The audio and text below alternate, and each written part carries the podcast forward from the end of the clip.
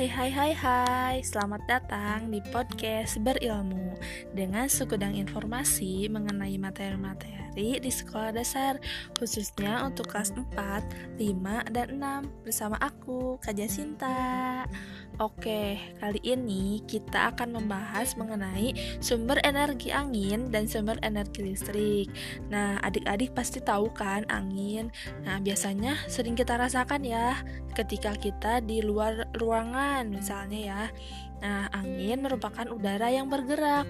Angin ini menyimpan energi yang penting bagi kehidupan. Manfaat yang kita rasakan banyak sekali, seperti kita pernah melihat perahu layar bergerak ya di lautan.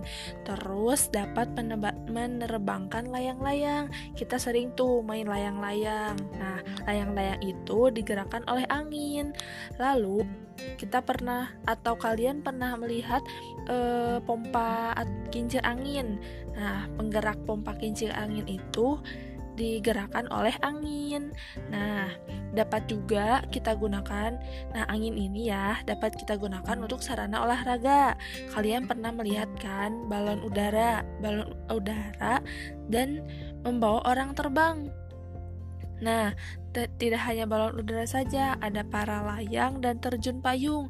Pasti kalian pernah melihatnya ya. Ya, yaitu sebuah balon yang menerbangkan manusia dan semua itu digerakkan oleh energi angin. Nah, hembusan angin juga dapat menjadi sumber pembangkit listrik, yaitu mampu memutarkan turbin dan generator. Nah, dari putaran tersebut, angin menghasilkan sumber energi listrik.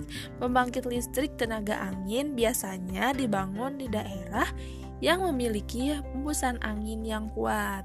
Dari sumber energi listrik itu banyak sekali ya manfaat yang kita rasakan, seperti dalam kehidupan sehari-hari yaitu penerangan untuk kita bisa beraktivitas di malam hari. Ya, lampu-lampu yang bersinar itulah dihasilkan dari energi listrik. Di saat kita mau belajar pasti membutuhkan penerangan kan? Jika kondisinya apa? Jika kondisi ruangan kita gelap.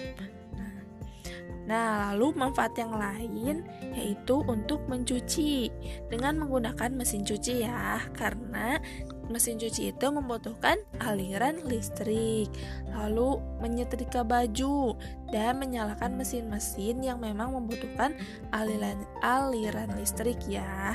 Nah, energi listrik juga dapat dihasilkan dari pembangkit listrik. Nah, apa saja ya? Yang pertama, pembangkit listrik tenaga air atau PLTA. Yang kedua, pembangkit listrik tenaga uap atau PLTU. Yang ketiga yaitu pembangkit listrik tenaga gas atau PLTG. Yang keempat, pembangkit listrik nuklir atau PLTN. Dan yang terakhir, yang kelima yaitu pembangkit listrik tenaga diesel atau PLTD.